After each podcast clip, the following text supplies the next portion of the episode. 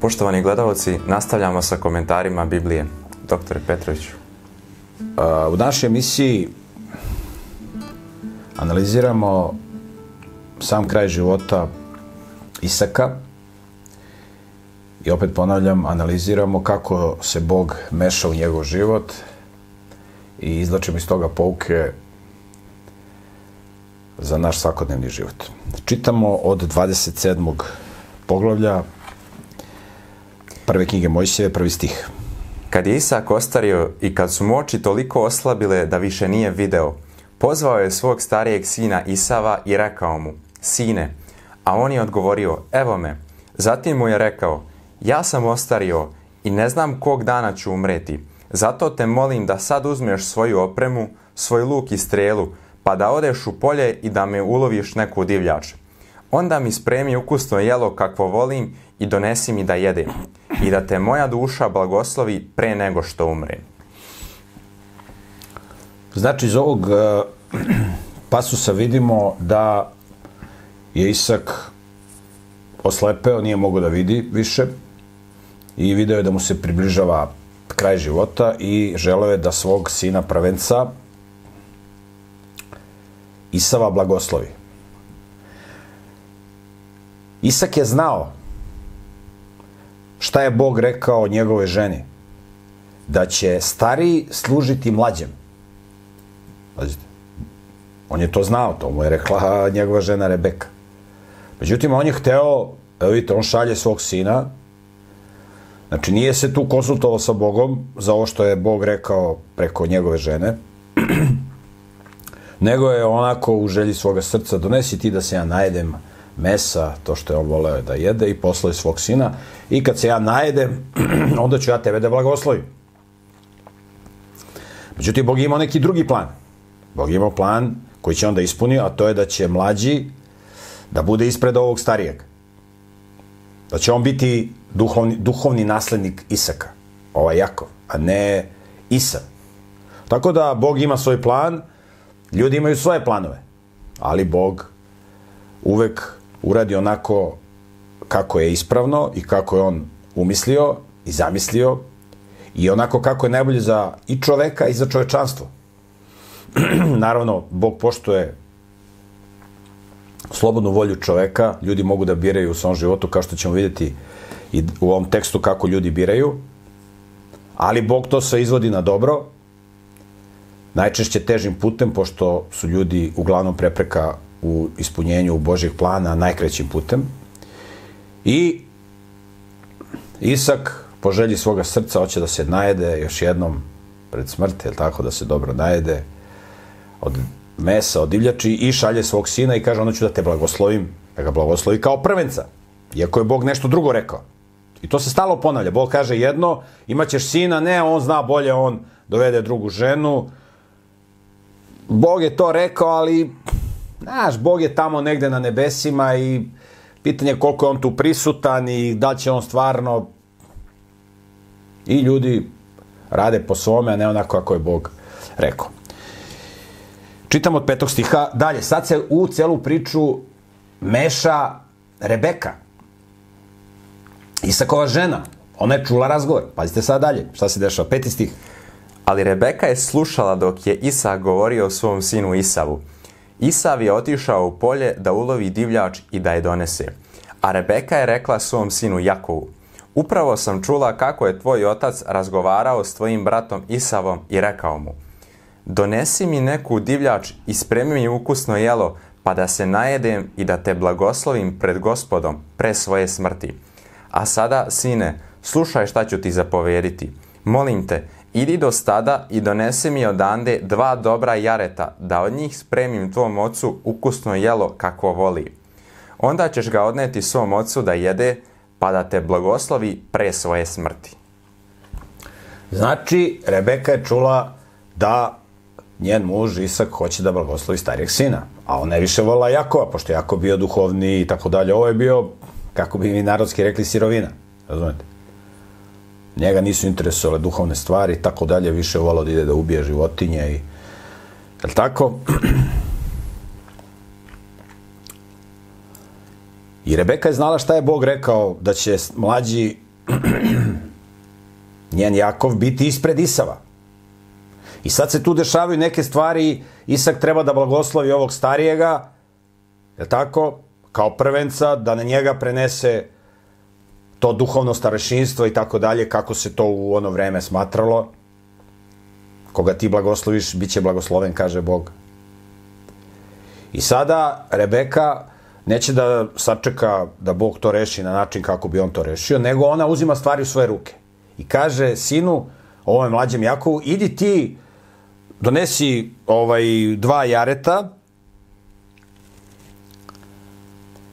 pa ćemo mi da napravimo tu jedan trik, da tebe otac blagoslovi, pošto on slep, on ne vidi, ja ću tu, imam ja, znam ja neke trikove, mamica će te nauči, i idi ti uradi ovo što ti ja kažem. Sad slušajte šta kaže Jakov. Jakov nije mala beba od tri godine pa da mu mama kaže idi tamo, idi vamo i on mora da sluša jer ne zna šta je dobro, šta nije. On je odrastao čovek.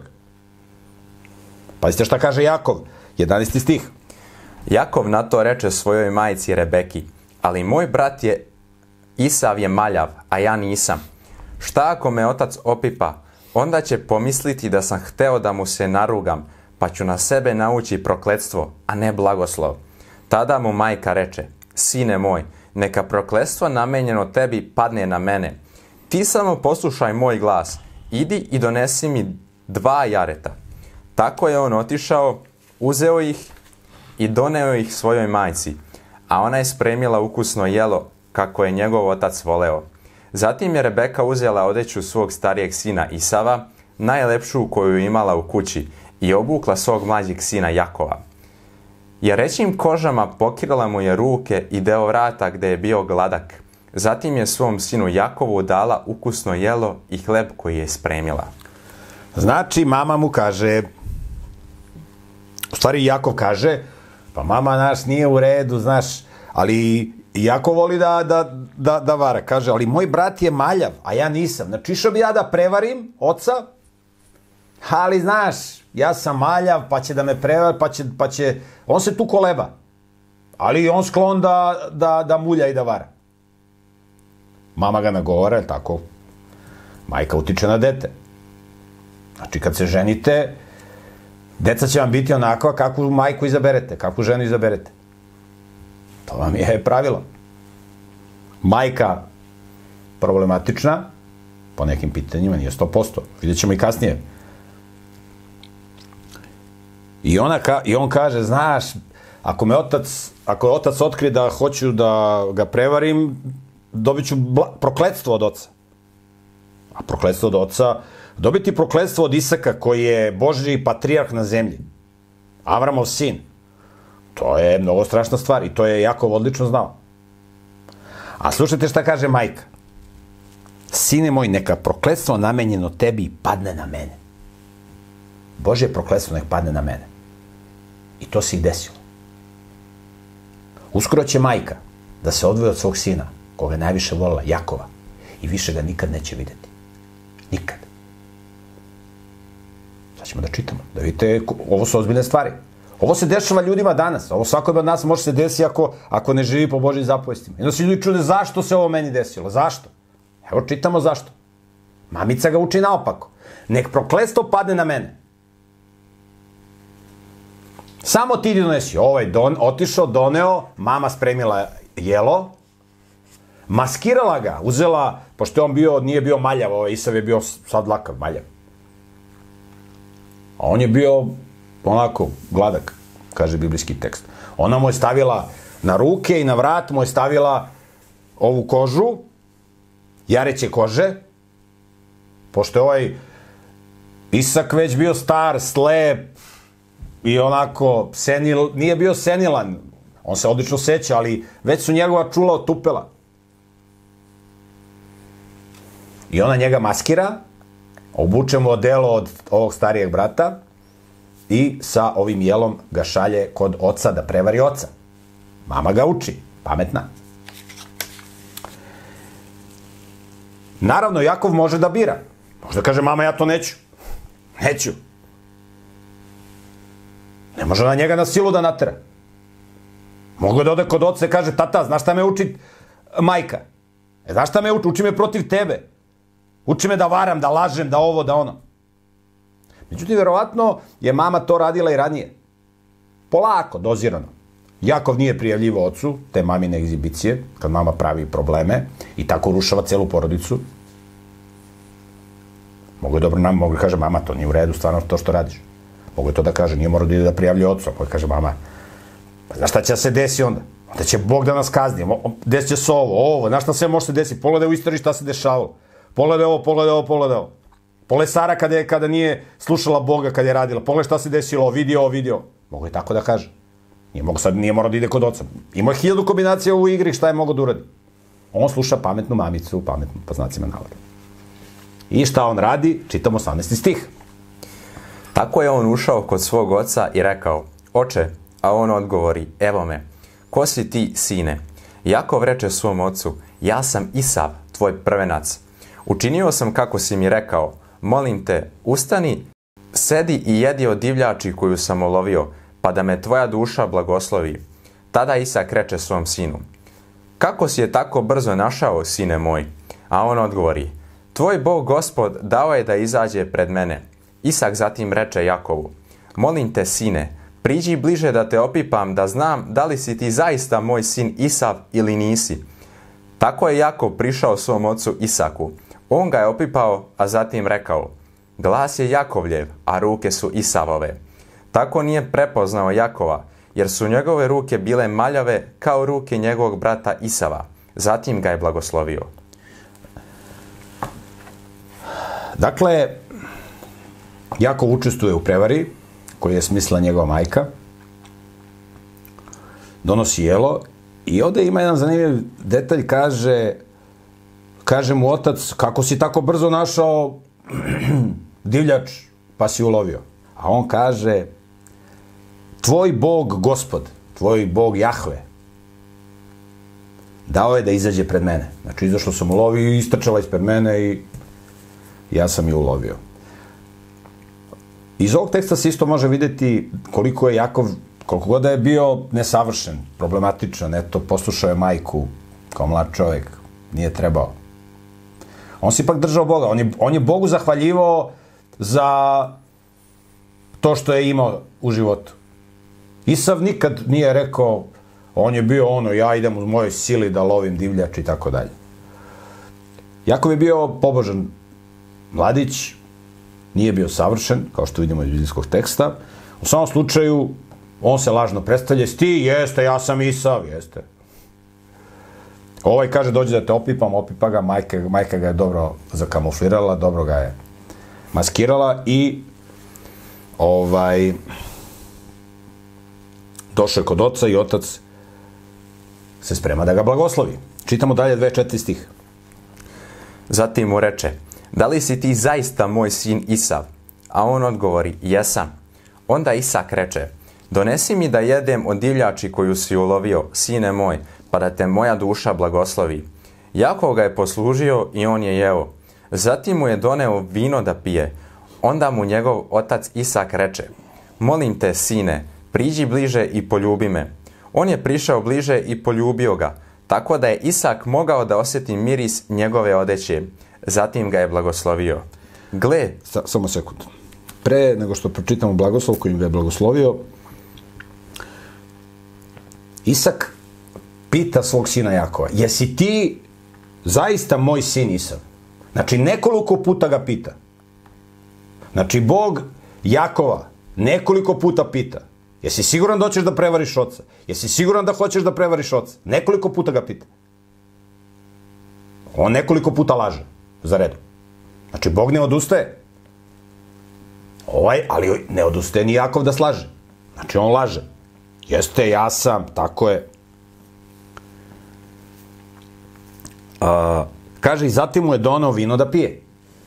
Mi ćemo kroz biblijski tekst analizirati tekst, tekstove vezano za vino. U našoj kulturi, koja je taka kakva jeste, ako upotrebim pravi termin, bit će prejako. Ali naša kultura je, ne znam, božačka, paganska.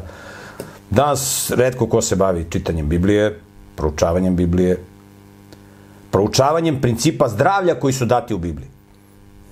Savremena nauka, ozbiljna nauka, ne ova korumpirana i zloupotrebljena nauka. Moderna nauka potvrđuje ono što piše u Bibliji po, pitanj, po svim pitanjima, a jedno od pitanja je pitanje zdravlja. Ovde se u našem prevodu koristi reč vino. U hebrejskom jeziku se koristi za vino reč jajin. Jajin. Međutim, u hebrejskom jeziku se koristi još jedna reč koja se ovde u Bibliji prevodi sa vino. Znači, dve su reči koje se u Bibliji koriste, a u našem prevodu se koristi samo jedan termin, vino. Postoji hebrejska reč tiroš i postoji hebrejska reč jajin. Tiroš je, je sok u grožđu ili vino u grožđu ili nepokvareno vino u grozdu, u grozdu biljke. A jajin je isceđeno to vino iz grozda. Znači, isceđen sok iz grozda je jajin. Znači, tiroš je sok u grozdu. Jajin je isceđen sok iz grozda. Ovaj jajin može da bude pokvaren, da fermentira i da postane alkoholan, može da bude nepokvaren, da bude sok koji nije pokvaren. I imali su tehnike kako su taj sok čuvali u stare vremena. Imali su razne tehnike. Mogli su da ga, da ga pasterizuju, mogli su da od njega prave sirup. Postoje razne tehnike. Kada se u Bibliji kaže jajin na hebrejskom, isceđen sok iz grozda, mi iz konteksta možemo da zaključimo da li je u pitanju pokvaren sok, ovaj alkoholisani, koji danas svi piju, kojima se kupi na svakom ćošku, ili je u pitanju sok koji nije pokvaren. U Bibliji postoje tekstovi koji kaže kad nađeš sok u grozdu, ne kvari ga, jer je blagoslov u njemu. Vidjet ćemo se taj sok iz grozda koristi u određenim obredima koji ukazuju na Boži plan spasenja. Tako da kad nađemo ovde na tekst vino, to ne znači alkoholno vino. Nekada znači, ali se vidi iz konteksta. Kada Boži ljudi konzumiraju vino, kad pišu prevodu, u pitanju je sok iz grožđa koji nije pokvaren. Ljudi koji se zavetuju Bogu za neku misiju ili za njem, njima je zabrano čak i da jedu grožđe. Zato što možda se desi da, zato što je taj sok iz grožđa, on se lako fermentira i lako se pokvari, od njega može čovjek da se napije. Često se dešava da pukne a, grozd, pukne opna. I sok u grozdu fermentira čovjek i ne, osjet, i ne, i ne vidi da je, ta, da je grozd pukao. To se često dešava. I onda ljudima koji se zavetuju da obave neku službu za, za Boga, kao što ćemo vidjeti kasnije, Bog kaže, oni ne smiju ni da jedu sa plodova vinove loze. Znači, ne smiju ni da jedu grožđa, kamo li da piju isceđen sok iz grožđa. Zato što čak i grožđe može da bude u ekstremnim slučajevima, u redkim slučajevima, može da bude opasno u smislu da se čovjek jedu, jedući grožđe da, da, da se napije. Čak i ako se prede grožđe, može grožđe da fermentira u želucu. Ima, ima puno opcije. Tako da kad ovde nađemo na prevod vino, moramo da imamo to u, u vidu. Da se vino koristi u Bibliji i za sok koji je pokvaren, ovo što danas svi piju, skoro svi, vi nemate nigde u prodavnici da kupite ovaj, sok od grožđa koji nije pokvaren. Ima neke kompanije što proizvode, to je hemija, to nije sok koji... Ako hoćete da imate sok od grožđa, morate da iscedite grožđe, sipate u flašu i odmah stavite u zamrzivač. To je jedina opcija danas. Ili da ga pasterizujete pa da dobijete pasterizovani sok od grožđa. To, ali to koliko ja znam nema da se kupi. Teško ćete Znači, možda u provinici zdrave hrane. Tako da ovde kada kaže zatim mu je dao vino da pije. Znači nije mu dao, iz konteksta se vidi da mu nije dao alkoholno vino da pije. Iako, videli smo da je Noje i pio alkoholno vino.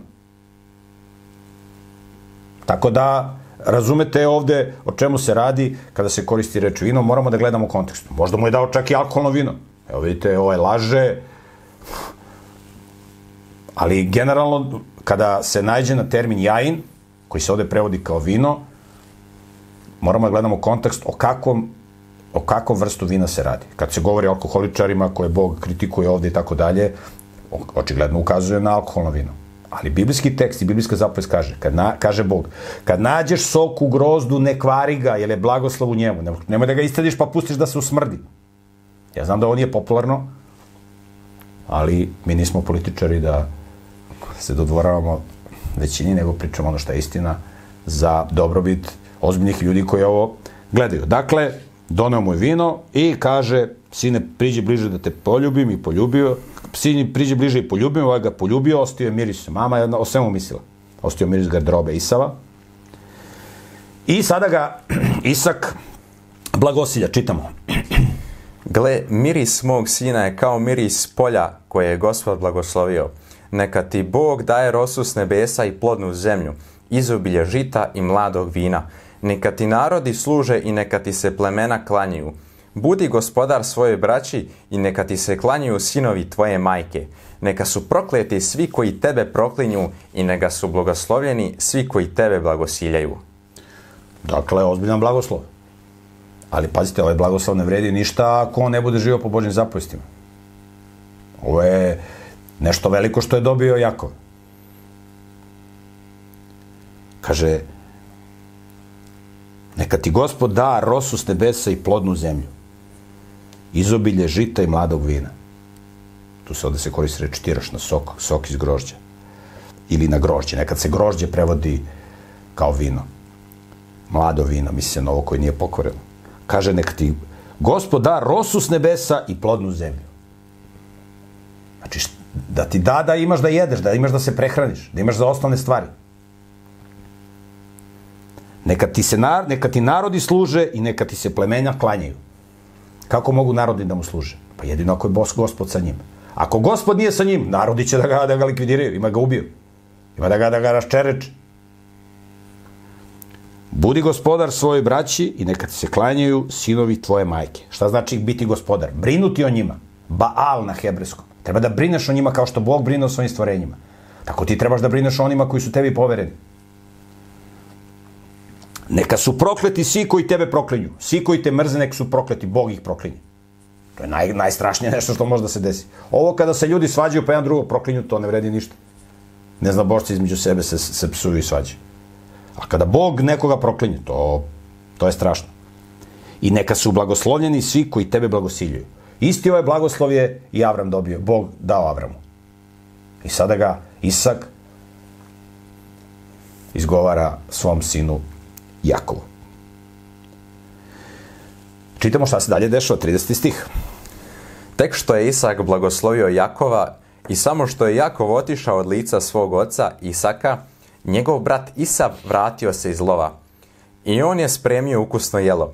Zatim ga je doneo svom ocu i rekao mu, Ustani oče i jedi od divljači koju je olovio tvoj sin, ta, pa da me onda tvoja duša blagoslovi. Tada ga je njegov otac Isak pitao, ko si ti? A on odgovori, ja sam tvoj sin Isav, tvoj prvenac. Isak se uplaši i sav poče da se trese, pa reče, ko je onda bio onaj koji je olovio divljač i doneo mi je? Pa sam jeo od svega pre nego što si ti došao i njega sam blagoslovio. On će i ostati blagoslovljen. Znači, sam ubrzo nakon što je Jakov izašao iz šatora svoga oca, dolazi stariji brat i donosi jelo. I ovaj otac se šokirao. I sad pa se šta kaže tekst. Isak se uplaši i sav poče da se trese. Poče se, uplašio se. Šok za njega.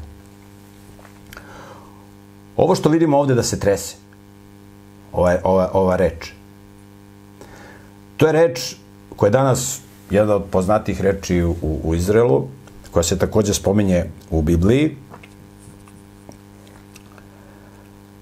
A, u hebrejskom ovde piše da se Isak a, uplašio, odnosno tresao, vajehered na hebrejskom. Ali evo sad ću vam pročitati još neke tekstove u Bibliji gde se ovaj glagol koristi, tresti, da vidite u kom kontekstu. Evo mogu ja da pročitam da dobijem na vremenu. U Isaiji 66.5 se kaže Čujte gospodnju reč, vi koji drhtite od njegove reči. Koji drhtite od njegove reči. I tu se koristi hebrejska reč haredim. Inače, haredim su ljudi u Izraelu, oni religiozni ljudi, oni ultra religiozni, oni, se, oni sebe nazivaju haredim, oni koji se tresu pred Bogom. U kom smislu se tresu? Evo da čitamo još jedan tekst. U Jezdri, u desetom poglavlju, trećem stihu. Evo, Mile, možete da pročitaš Jezdrina knjiga, deseto poglavlje, to je pri kraju prvog dela. a ima Jezdra Panemija, Jezdra 10. poglavlje, treći stih, to je strana evo ga, 900 560, 590. Deseto poglavlje, treći stih. Sklopimo sada savez s našim Bogom. Obećajemo da ćemo otpustiti sve te žene i decu koju su rodile, kao što je odredio Gospod, naš Bog, i oni koji se boje zapovesti, tako da se postupi po zakonu. Ovdje imamo slučaj kad su se jevreji vratili iz Vavilonskog ropstva. I mnogi od njih su se poženili sa pagankama, a to je najstrože zabranjeno po Bibliji. I oni su došli, taj Jezdra, on je bio visoki činovnik na Vavilonskom dvoru. I on je izdestvojao, u stvari, tad je već e, Vavilonsko carstvo propalo i bilo je Persijsko carstvo. I on je sredio kod uh, Persijskog cara da se oni vrate u svoju domovinu, u Izrael. I onda su se oni vratili jevreji. Međutim, mnogi od njih su imali žene ove paganke. A to je po Bibliji najstrože zabrano, da se ženiš sa pagankama. Jer će ti deca onda biti kao i one. I onda je Bog naredio da ti jevreji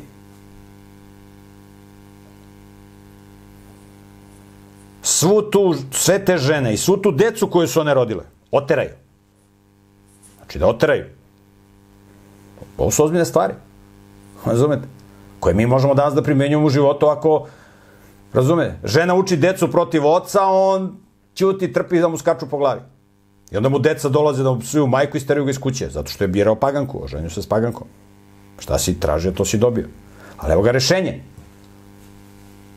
Bog kaže da se otera.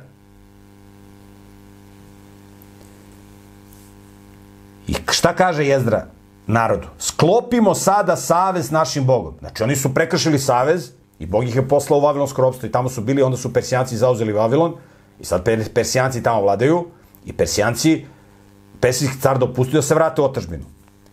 Sklopimo sada savez našim Bogom, taj savez koji smo prekršili da ponovo uspostavimo savez. Obećajemo da ćemo otpustiti sve te žene, kao što je gospod zapovedio, i decu koju su rodile, kao što je odredio gospod naš Bog, kao što je Bog zapovedio.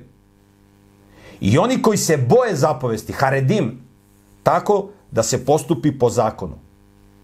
Ovde se isto kaže da je se Jakov, odnosno Isak, kaže uplašio i počeo se trese. To isti taj glagol. Šta znači tresti se, bojati se pred Bogom?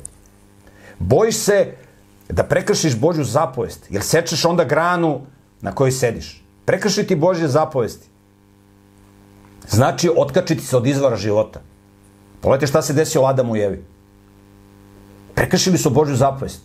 Sledi smrt, sledi propast. Zato čovjek treba da se, da se bori iz sve snage, da izgrađuje svoj karakter, da živi po Božjim zapovestima.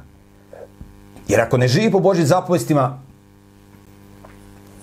on seče granu na kojoj sedi. On kida vezu sa izvorom života, sa Bogom. To je najveći strah koji čovjek treba da ima. Da ne izgubi život. Strah od smrti. A smrt ne nastaje tako što vas neko upuca iz pištolja ili što vas iseče nožem ili sabljom. Bog će ponovo da stvori. To što rade, što su radili inkvizitori, što rade današnji satanisti, ubijaju nevine ljude. Tako vi niste mrtvi. Ali će Bog ponovo da stvori. Čovjek je mrtav kad se odvoje od Boga. Zato u Bibliji kaže da onaj koji živi po Božjim zapovestima neće videti smrti do vijeka.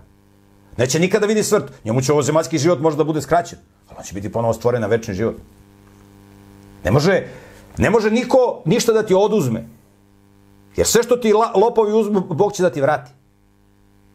Ne može, ne mogu ništa da ti oduzmu. Ništa. Sve će Bog da ti vrati. I kaže, dobit će sto puta toliko i život večni. Tako Bog obećao. I ovi ljudi se boje Boga.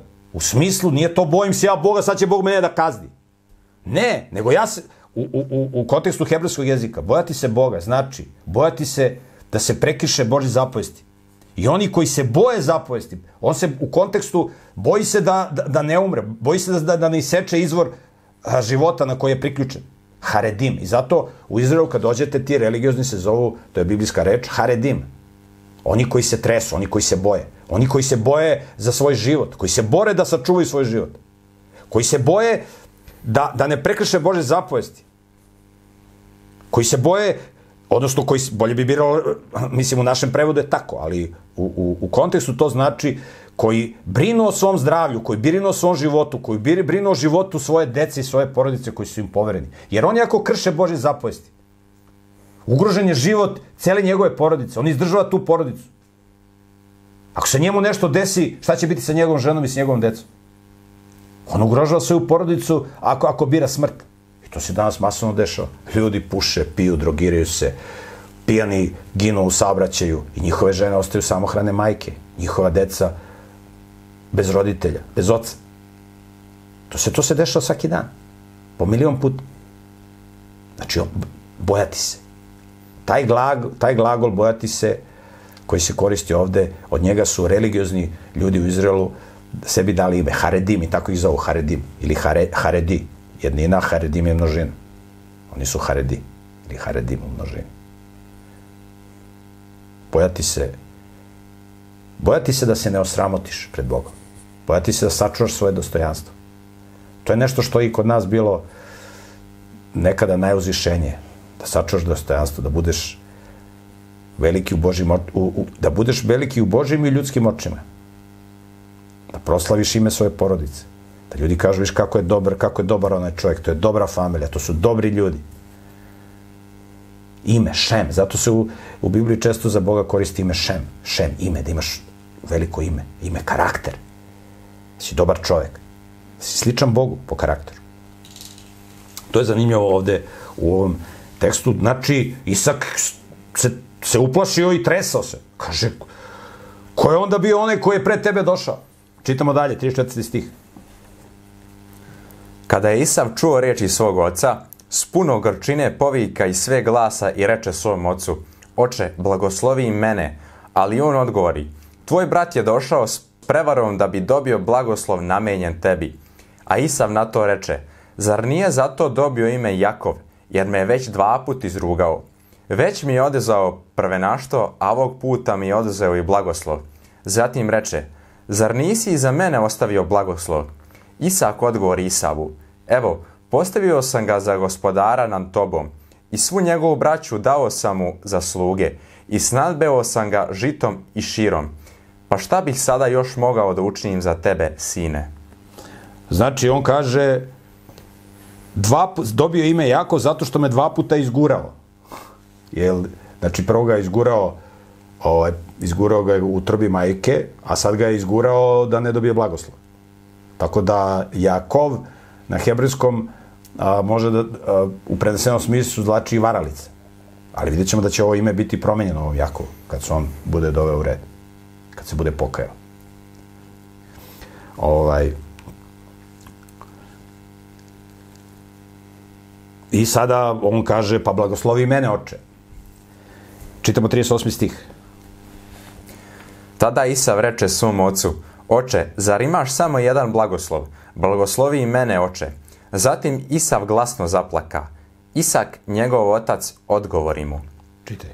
Evo, tvoje prebivalište bit će daleko od plodne zemlje i od rose nebeske. Živeš ćeš od svog mača i služit ćeš svom bratu. Ali kad se pobuniš, slomit ćeš njegov jaram, izbacit ćeš ga sa svog vrata. Njemu otac daje ono što je on već izabrao. Kaže, bit ćeš daleko od plodne zemlje i od rose nebeske. Znači, rosa nebeska koja natapa zemlju. Bog daje kišu. Ako hoćemo da imamo dobru poljoprivredu, zavisimo od Boga. Možemo mi da radimo zemlju koliko hoćemo, ako Bog ne da, ne da kišu, neće biti useva. Bez kiše ne može da se... Ima sad su ljudi izmislili ova neke, neke sisteme navodnjavanja, je li tako? ali ne može to da se uporedi, to je jako skupo i ne može se uporedi kada Bog blagoslovi neku zemlju i učini da ona bude plodna. Kaže, živećeš od svog mača, kao što si do sad živo. I služit ćeš svom, od, svom uh, bratu, isto kao što je do sad bilo. On je služio svom bratu, ovaj je bio pametniji. Ali, on daje ovde proročanstvo. Kad se pobuniš, slomit ćeš njegove jaram, izbacit ćeš ga sa svog vrata. Vidjet ćemo kako će doći Sad ovde nastaje sukob između dvojice braće. ovaj mlađi će biti nad starim, ali vidjet ćemo da će to, da će, da će kasnije, da se situacija promeni. O tome ćemo čitamo dalje u, u nastavku. Čitamo 41. stih.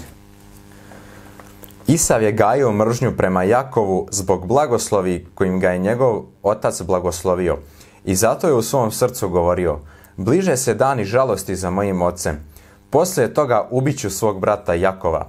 Kad su Rebeki javili šta je rekao njen stariji sin Isav, odmah je poslala po svog mlađeg sina Jakova i rekla mu, pazi, tvoj brat Isav teši se mišću da će te ubiti. Zato, sine, poslušaj moj glas, Ustani i beži kod mog brata Lavana u Haran. Ostani kod njega neko vreme dok se gnev tvog brata ne stiša, dok se ne odvrati od tebe gnev tvog brata i dok ne zaboraviš šta si mu učinio. A ja ću poslati po tebe i vratit ću te odande. Zašto da ostanem bez vas dvojice u jedan dan? Znači, stari brat kaže, sad dok prođu dani žalosti, znači on poštuje tradiciju, bio je određeni broj dana kada se žalio čovjek koji je umro, kaže kad prođu dani žalosti, kad ispoštujemo običaje i tradiciju, onda ću da ubijem brata. Znači, isto ko što je Kain ubio Avelja, ali sad se opet meša mama. Kaže on ovako, tvoj brat hoće da te ubije. Idi kod mog brata Lavana,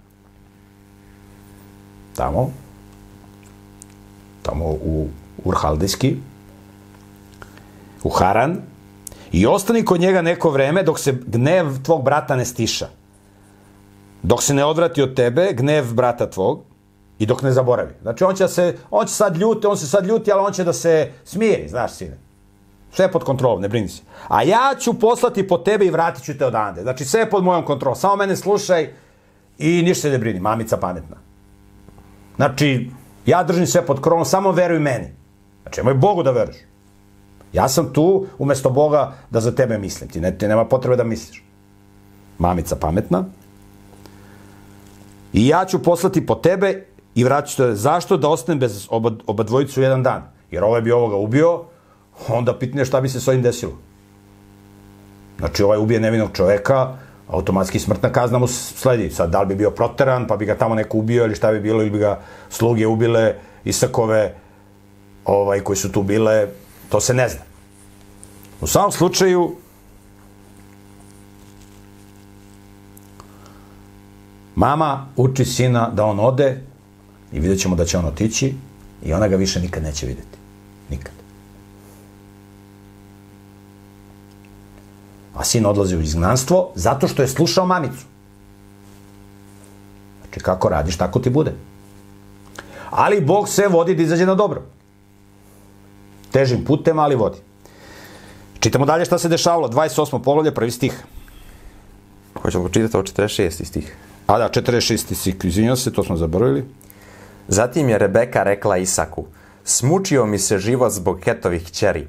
Ako Jakov uzme ženu od kćeri ove zemlje, kao što su Hetove kćeri, šta će mi život?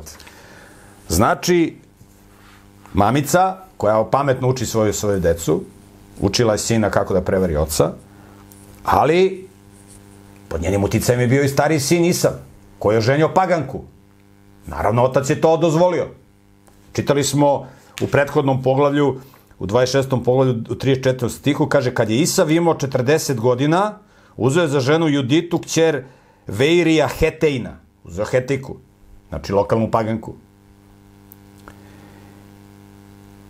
I Visematu, kćer Elona Hetina. Uzeo dve Uzo dve žene paganke. Znači, ne jednu, nego dve. Dve paganke uzo. Znači, na kvadrat. One su zagorčavale život Isaku i Rebeki. Jer su one mogle da se suprostave da se one oženi sa pagankama? Pa mogle su. Ali mamica? Pa dobro, nije ona tako loše. Možemo zavisiti kakav je bio razgovor između nje i Isaka. Isak se vjerojatno nešto bunio. Pa znaš šta, nije dobro da znaš da je Bog rekao da se ženimo samo, da se ne ženimo tu iz ovo, od ovih pagana. Zašto sam slao zašto je moj otac slao slugu po tebe tamo u dalju zemlju? Pa nemoj, vidiš da oni se vole. Možemo zamislimo kakva je to bila glupa priča. Znači, odgovorna je mamica, odgovorna je tatica, koja je to dozvolio. On je glava porodica, on se sluša, da je on rekao ne, kraj priče. Ali ona fino oko njega spremila mu čorbu od mesa koje on voli, malo vina, možda je bilo i alkoholno malo, da mu se mozak ono u alfa režim i da ispuni želju svom maljavom sinu, oženio hetekema koje su posle im zagorčavale život. Znači, kako seješ, tako žanješ. I kaže, smuče mi se život zbog hetovi kćeri, ako jako uzme ženu kćeri ove zemlje, kao što su hetovi kćeri, šta će mi život? Naravno, ovde ona i malo preveličava, zato što hoće da dobije izgovor, ona mora da dobije dozvol od, od ovaj, od Isaka. Znači, ona mora da dobije dozvolu od Isaka da Jakova pusti tamo. Ne može, ona njemu kaže, idi, mora da dobije dozvolu od, od muža. I kao, ovi zagorčavaju život, što jeste da, je, da su im zagorčavali život. Ali traži dozvolu da ovaj možda ga pusti. I čitamo dalje šta se desilo 28. 8. stih. Zato Isak pozvao Jakova, blagoslovio ga i zapovedio mu. Nemoj uzeti ženu od hananskih čeri. Ustani, idi u Padan Aram, u kući Vatuila, oca svoje majke, i tamo uzmi sebi ženu od kćeri Lavana, brata svoje majke. Bog svemoćni blagoslovit će te i učinit će te plodnim i umnožit će te, tako da će od tebe postati veliki narod. I daće ti Avramov blagoslov, tebi i tvom potomstvu, da zauzmeš zemlju u kojoj si stranac i koju je Bog dao Avramu. Uh, u biblijskom tekstu često imamo preklapanje da se određeni događaji opisuju iz više uglova. U, ovde smo čitali kaže Isav je gajao mržnju prema Jakovu zbog, blagoslo, uh, zbog blagoslova kojim je njegov otac blagoslovio. Kaže, bliže se dani žalosti za mojim ocem. Znači, opisuje se događaj nakon smrti ovaj, uh, nakon smrti uh, Isaka, on, on, on očekuje da će Isak uskoro da umre, mislim Isak je pri kraju, kaže, približavaju se ti dani. I posle toga će ubiti Jakov. A, I majka je to čula, tako da on, on već vidi da će otac da mu umre. Znači, on vidi da će otac da umre, da mu je kraj, i čeka da se približe dani žalosti za mojim ocem. Znači, on umire, onda će da bude jedan period, ono, kod nas to ima, ovde u našem narodu ima ono 7 dana, 40 dana i tako dalje. I posle će on njega da, da ovaj, ubije. Da malo razjasnimo taj tekst što smo pročitali. U samom slučaju Isak daje dozvolu da ovaj ide, kaže idi tamo i šalje ga tamo odakle si on oženio. Ide kod svog ujaka, Lavana. Čitamo dalje peti stih. Tako je Isak otpustio Jakova i on je krenuo padan Aram kod Lavana, sina Vatuila Sirica, brata Rebeke, majke Jakova i Isava. Kad je Isav video da je Isak blagoslovio Jakova i poslao ga u padan Aram da tamo uzme sebi ženu, i kad ga je blagoslovio i zapovedio mu, nemoj uzeti ženu od hananskih čeri. I kad je video da je Jakov poslušao svog oca i svoju majku i krenuo u padan Aram, tada je Isav shvatio da, Kana, da hananske kćeri nisu po volji njegov, njegovom ocu Isaku. Zato je Isav otišao kod Ismailaca i uzeo za ženu Majaletu, kćer Avramovog, si, Avramovog sina Ismaila, Navajatovu sestru, pored žena koje je već imao. Ovde vidimo da Isav, stari brat, neće da pita oca, da mu on sugeriše s kim da se ženi. Nego je on video da Isak, da njegov otac ne voli ove paganke, te lokalne, pa će on da izabere neku koja se njemu sviđa. Naravno, nije on izabrao da ide tamo gde, će, da bi mu otac rekao. Nego je otišao da oženi potomke one Agare, Robkinje i njenog sina Ismaila. I oženio je koji su isto bili koji nisu bili u, u toj liniji koju Isak, u toj duhovnoj liniji koju Isak i koju je Bog blagoslovio i, i koju bi Isak preporučio i Bog preporučio. Znači, on radi na svoju ruku, on oca ne pita, nego radi na svoju ruku. On je već os, ojačao, osilio, otac je već na umoru, pitanje kada će da umre, on, on je već odredio datum kada će ovaj da umre, zna, tako? I on se ponovo ženi Jel tako? Misli da će na taj način da odobrovolji svoga oca, što nije bio slučaj, treba je oca da pita za mišljenje, da mu on preporuči. Sad ću ja nešto da uradim i time ću dobro doje mog oca. Ako hoćeš da obraduješ otac, pitaj, tata, šta bi ti voleo da ja uradim? Ako hoćeš da ga obraduješ. Sine, šta hoćeš da ti ja kupim? A ne odeš, kupiš mu nešto, njemu se to ne sviđa. Pa kako ti se ne sviđa? Gle kako je to lepo, vidi. Pa kupimo nešto, pitaj ga šta mu se sviđa, povedi ga u radnju, pa niko ne izabere. Dovedeš ga, ne, ne da ga vodiš da kupuje neke gluposti, ali evo sine ovde ima, ne znam, odvedeš ga u neku prodavnicu, možda za život u prirodi, tako nešto, kupi neku garderobu, neke dobre cipele, čizme, kad ide u planinu, tako. A ti njemu kupiš, ti njemu kupiš džip, a njega to ne interesuje. Pa da ideš da, kad izađeš u grad, da se devojke okreću za to, pa tata, to mene ne zanima. To mene ne interesuje. Pa kako te ne zanima da se svađaš s njim što se njemu ne sviđa tvoj, tvoj... Pa znaš koliko sam para potrošio? Pa šta sad ti si potrošio 50.000 evra za, za neki Range Rover i sad ja, zato što si ti bacio 50.000, sad ja treba da vozim. Razumeš? Razumeš da se glupiram po gradu. E, tako Isak, tako Isak hoće svog oca da, da mu učini... Pa što ga ne pitaš šta on voli? Pitaj ga, pa će onda ti kaže.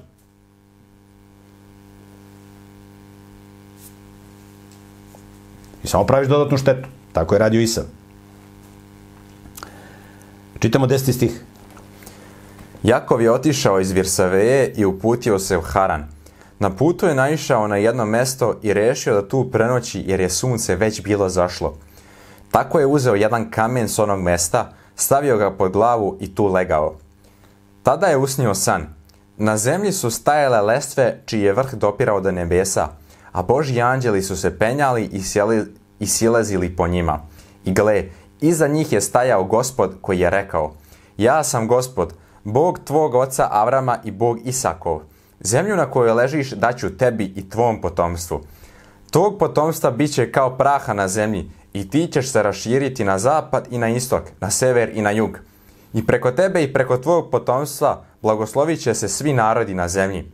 Ja sam s tobom i čuvat ću te celim putem kojim ideš i vratit ću te u ovu zemlju, jer te neću ostaviti dok ne učinim što sam ti rekao. Ovde vidimo kako, se, kako Bog postupa sa, sa Jakovom. Jakov je prevario svog oca. Napravio grešku. Poslušao je majku da prevari oca. Znači, njegova je krivica. Ali Bog vidi Jakovljevo srce.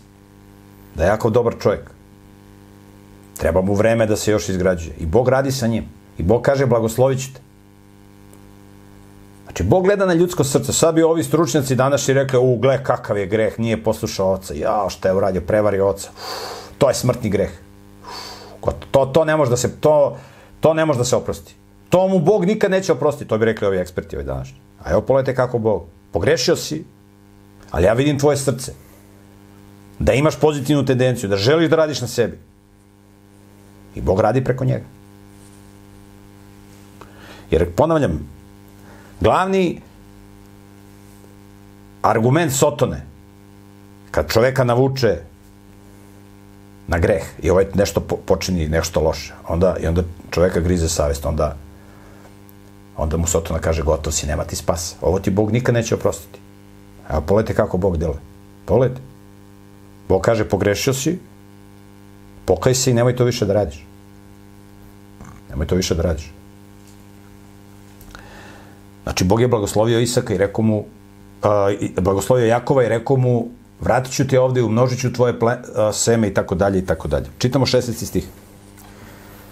Tada se Jakov probudi iz sna i reče, Gospod je zaista na ovom mestu, a ja to nisam znao.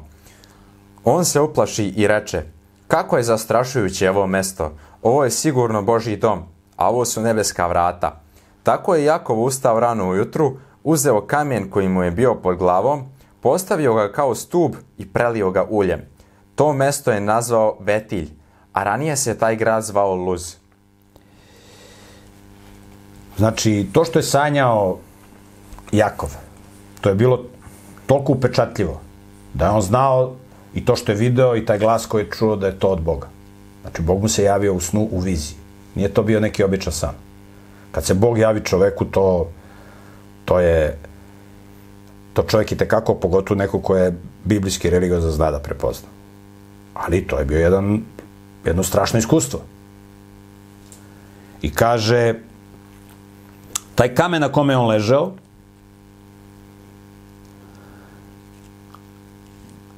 postavio ga kao stub i prelio ga uljem. Prelivanje uljem je jedan običaj koji je postojao u stare vremena, jer ulje je simbol svetog duha. I kasnije će se, vidjet ćemo kad budemo čitali biblijski tekst, kada su se carevi, kada je neko bio uspostavljen za cara, onda mu se na glavu izdelo ulje, koji je simbol svetog duha. Vidjet ćemo da se ulje koristi u hramu, koji će biti izgrađen u Jerusalimu i ulje ima simbol svetog duha. Znači, da je tu Bog pristo na poseba način svojim duhom. Kad se car pomazuje za, za vladara, kad se izliva ulje na njega, simbol svetog duha, da ga sveti duh nadahne da dobro vodi svoj narod. Međutim, kasnije će ovaj uh, obred biti ukinut. Bog će zabraniti da se to radi, čitat ćemo kasnije. Zato što su ljudi onda se bavili idolopoklonstvom, dolazili su na ta mesta koje je neki znameniti čovek podigao i uspostavio i onda su tu idolopoklonisali i to nije bilo ugodno pred Bogom, tako da je taj obred kasnije bio ukinut. Inače, to mesto je on nazvao, to se mesto nekad zvalo Luz, a on ga je nazvao Vetilj ili u hebrejskom Bejtel. Kuća Boga. Bejt je kuća, El je Bog od Elohim. Neki ga skraćeno zovu, ne kažu Bejtel, nego Betel. Betel, onda neki kažu Betel. Čitamo dalje, 20. stih. Jakov se zavetovao, ako Bog bude sa mnom i sačuva me na ovom putu kojim idem, i ako mi da hleba da jedem i odeću da se obučem, i ako se u miru vratim kući svog oca, tada će gospod pokazati da je moj Bog. A ovaj kamen koji sam podigao kao stub, bit će Boži dom. I od svega što mi budeš dao, daću ti desetak. Ovde imamo dva elementa koja bi trebali da prokomentarišemo. Kaže on ovako, ako Bog bude bio sa mnom i sačuva me na putu kojim idem, i ako mi da hleba da jedem i odiću da se obučem, i ako se u miru vratim kući svog oca, tada će gospod pokazati da je moj Bog. Znači, on, on još uvek sumnja. Ako Bog bude uradio to, to, to, to, to, onda je Jahve moj Bog. Pa zar do sada u životu nije uradio toliko stvari za tebe da ti znaš da je on tvoj Bog? Ali on je maloveran. Evo vidimo, vidimo ovaj opis njegovog karaktera. Ali Boga prihvata tako kako jeste. Bog ljude prihvata tako kako jeste i pokušava da izvuče iz njih ma maksimum. Kaže, a ovaj kamen koji sam podigao kao stup, bit će Boži dom. I od svega što mi budeš dao, daću ti desetak. Znači, ako ti, Bože, budeš bio, da, ako ti mene budeš čuvao, ako, ako, ako, pa zar te Bog do sad nije čuvao? Zar do sad nije brigo? Znači, ako ti, Bože, to uradiš za mene, e, onda ću ja da budem na tvojoj strani. Problematično, vrlo problematično. Ali Bog radi s takim ljudima. I ovaj Jakov, to će biti jedan od najpoznatijih ljudi u istoriji. Evo, ovo je ovakav problematičan, ali Bog polako radi sa njim. Polako ga, korak po korak, on pravi greške, a Boga priča tu neke stvari koje su problematične. Mesto kaže, Bože, ja, ti si uradio za mene to, hvala ti na svemu. Hvala ti što me nisi ispržio kad sam slago svog oca. Sve što mi budeš dao, ja ću, ja ću da odvojim za tebe i daću ti desetak. Vidite, on ovde spomenje ponovo desetak. Oni su znali za tu ustanovu desetka. Od svega što imaš, daš u Božje delo deseti deo. Na koji način, to ti izabereš. Naravno, kad se posle uspostavi država Izrael, kad se bude uspostavila država na obećanoj zemlji, koje Bogu, i kad se uspostavi ovaj hram, onda će se to davati sveštenicima koji ti urade. Bila su i neka druga iz, uh, davanja gde, gde čovjek odvajao uh, bilo je slučajeva uh, kada, kada ljudi odvajaju po tri desetka. Jedan desetak daju svešnicima u hramu. Onda odvoje deo novca, jedan desetak, odvoje da idu da se školuju. Bila su tri hodočasna praznika u Jerusalimu, to ćemo čitati. Kada su svi morali da dođu u Jerusalim na tri velika praznika. O tome ćemo da čitamo kasnije. Tri puta godišnje. I onda su oni odvajali sredstva da odu bar jednom godišnje, oba zapovest je bila tri puta, trebali su muškarci svi da odu tri puta. Ali nekada oni odu i mimo ta tri puta postanu duže vreme i onda odvoje sredstva da tamo mogu da odu da uče. I bilo je slučajeva da, jer nekada su, nekada su, kad pričamo o desetku, nekada su zajednice funkcionisale drugačije. Naprimer, današnje jevrijske zajednice jevrijske opštine najviše liče tim nekadašnjim zajednicama. U kom smislu? Naprimjer, u, ovom, u jednom selu ili u jednom gradu na nivou mesne zajednice danas, to bi tako bilo. Na nivou mesne zajednice, znači male zajednice, imaju svoju skupštinu, imaju mesto gde se oni okupljaju. Da čitaju Bibliju, da razmanjuju iskustva, da brinu o lokalnim, rešavaju lokalne probleme i tako dalje i tako dalje. I oni određuju tu ko će da bude neko ko će da podučava narod teologiji, neko ko je najpismeniji, teološki najumniji i najbolje poznaje Bibliju. I da bi oni tu mogli da donose dobre odluke, oni odvoje sredstva. Dodatni desetak, svako odvoji, ili, ili može manji iznos, i onda pošalju nekoliko mladića ili ljudi u Jerusalim, da je bilo sedište, da je bio hram, da odu tamo da uče Bibliju, da uče teologiju i tako dalje i tako dalje. I onda se oni posle izvesnog vremena vrate i podučavaju narod na lokalu kako da se živi. Znači, niko njima nije postavljao teologa koji će da ih uči, nego su oni ulagali u teologa koga su oni hteli, oni su birali. Slično imate danas, na primjer, u jevrijskim opštinama. Svaka jevrijska opština je samostalna. I oni biraju ko će da bude njima tu teolog. Kog će, oni teologa zovu rabine. Kog će rabina dovede? Da li će, niko njima ne nameće ko će tu da, oni mogu da ga smene kad god hoće. Oni mu daju platu. Oni mu daju stan, oni, mu, on, oni mogu da ga smene u svakom trenutku i da dovedu koga oni hoće, koji njima odgovara. Tako da je u stare vremena to tako funkcionisalo. Na lokalu, lokalna zajednica odvoji deo sredstava da šalje, da se ovi teološki edukuju, da posle mogu lokalnu zajednicu da uče. Znači, to vam je kao što danas imate u, u, u futbolu ili u košarci. Vi imate futbolski klub i vi dovedete najbolji igrače da igraju kod vas. Tako.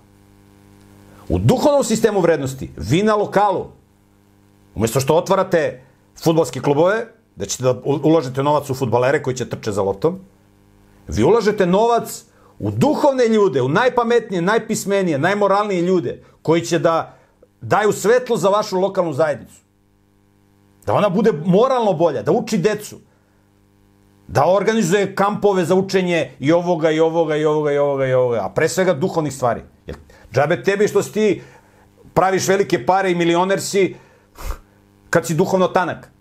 I tvoja deca će sve to da prospu. I ti ćeš da prospiš na, na nemoralnu, na, na destrukciju, neka paganka, neka hetejka, ko Isavu će da ti sve pare pokupi da potroši na gluposti. Zato je ključ karakter, ulaganje u duhovne stvari. Onda su ulagali, odvali su desetak za takve stvari, za duhovnu edukaciju ljudi i odvali su još jedan desetak, i to je bilo, ne svake godine, bilo je na tri godine za edukaciju, nekada jede, to je stvar njihove, njihove odluke, kako su oni dogovore. Ali odvajali su i desetak za siromašne, i to je bilo. Znači, u Bibliji se spominju, vidjet ćemo tri vrste desetka koje su davali. Ovaj koji je bio obavezan, to je bio za sveštenike. Ova dva su bila preporučljiva. Da pomogneš onima koji nisu u mogućnosti. Ali ne da mu ti daš za cigare da on ide u kafanu da se napije. Ko ovi današnji prosjeci siromašni. Ne. On sedi sav oteko od alkohola i duvana i prosi. Ti mu daš 200 dinara i on ode kupi cigare. U stvari nema za 200 dinara, cigare se kupe koliko znam. Kupao sam je ovde u selima nekim komšijama kad su mi tražili cigare. Mislim da su 250 dinara, 2 evra najjeftinije cigare. Dobro, za 200 dinara možda kupi onu malu buteljku sa alkoholom. Da još malo poludi. Znači, oni su brinuli na taj način o siromašnima. Tako što su ih zbrinjavali. Ne, on njemu da pare da se upropasti. nego briga o... Znači, i od svega što mi budeš dao, daću ti desetak. Kada on ovde gaži desetak, misli daće Bogu desetak.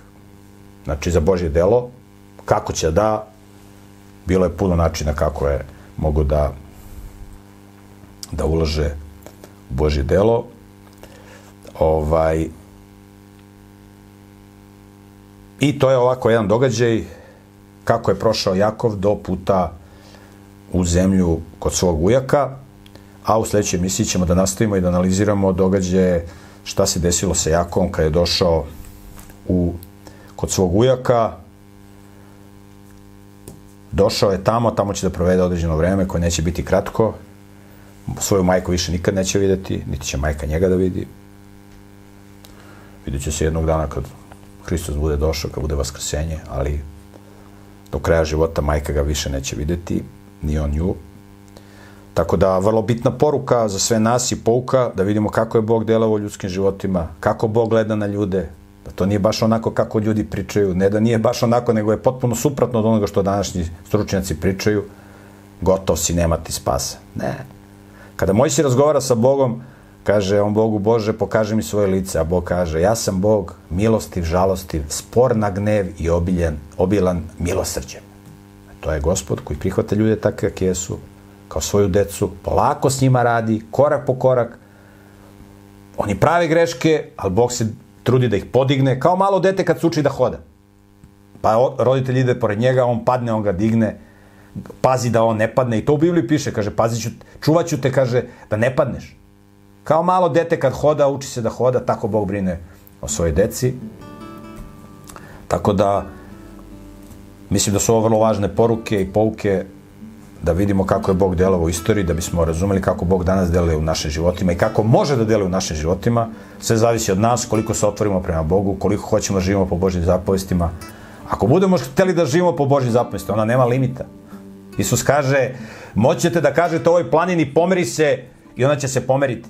Ona nema limita. Mislim, lako je pomeriti planinu. Treba prom najteže je promeniti čoveka. Pomeriti čoveka sa lošeg mesta da počne da radi dobre stvari. Tako da, to je bilo sve što se tiče današnjih komentara Biblije. Dragi prijatelji, to je bilo sve za danas. Ako imate neko pitanje vezano za biblijski tekst koji smo danas čitali, možete da ga postavite na dole navedeni mail. Hvala na pažnji.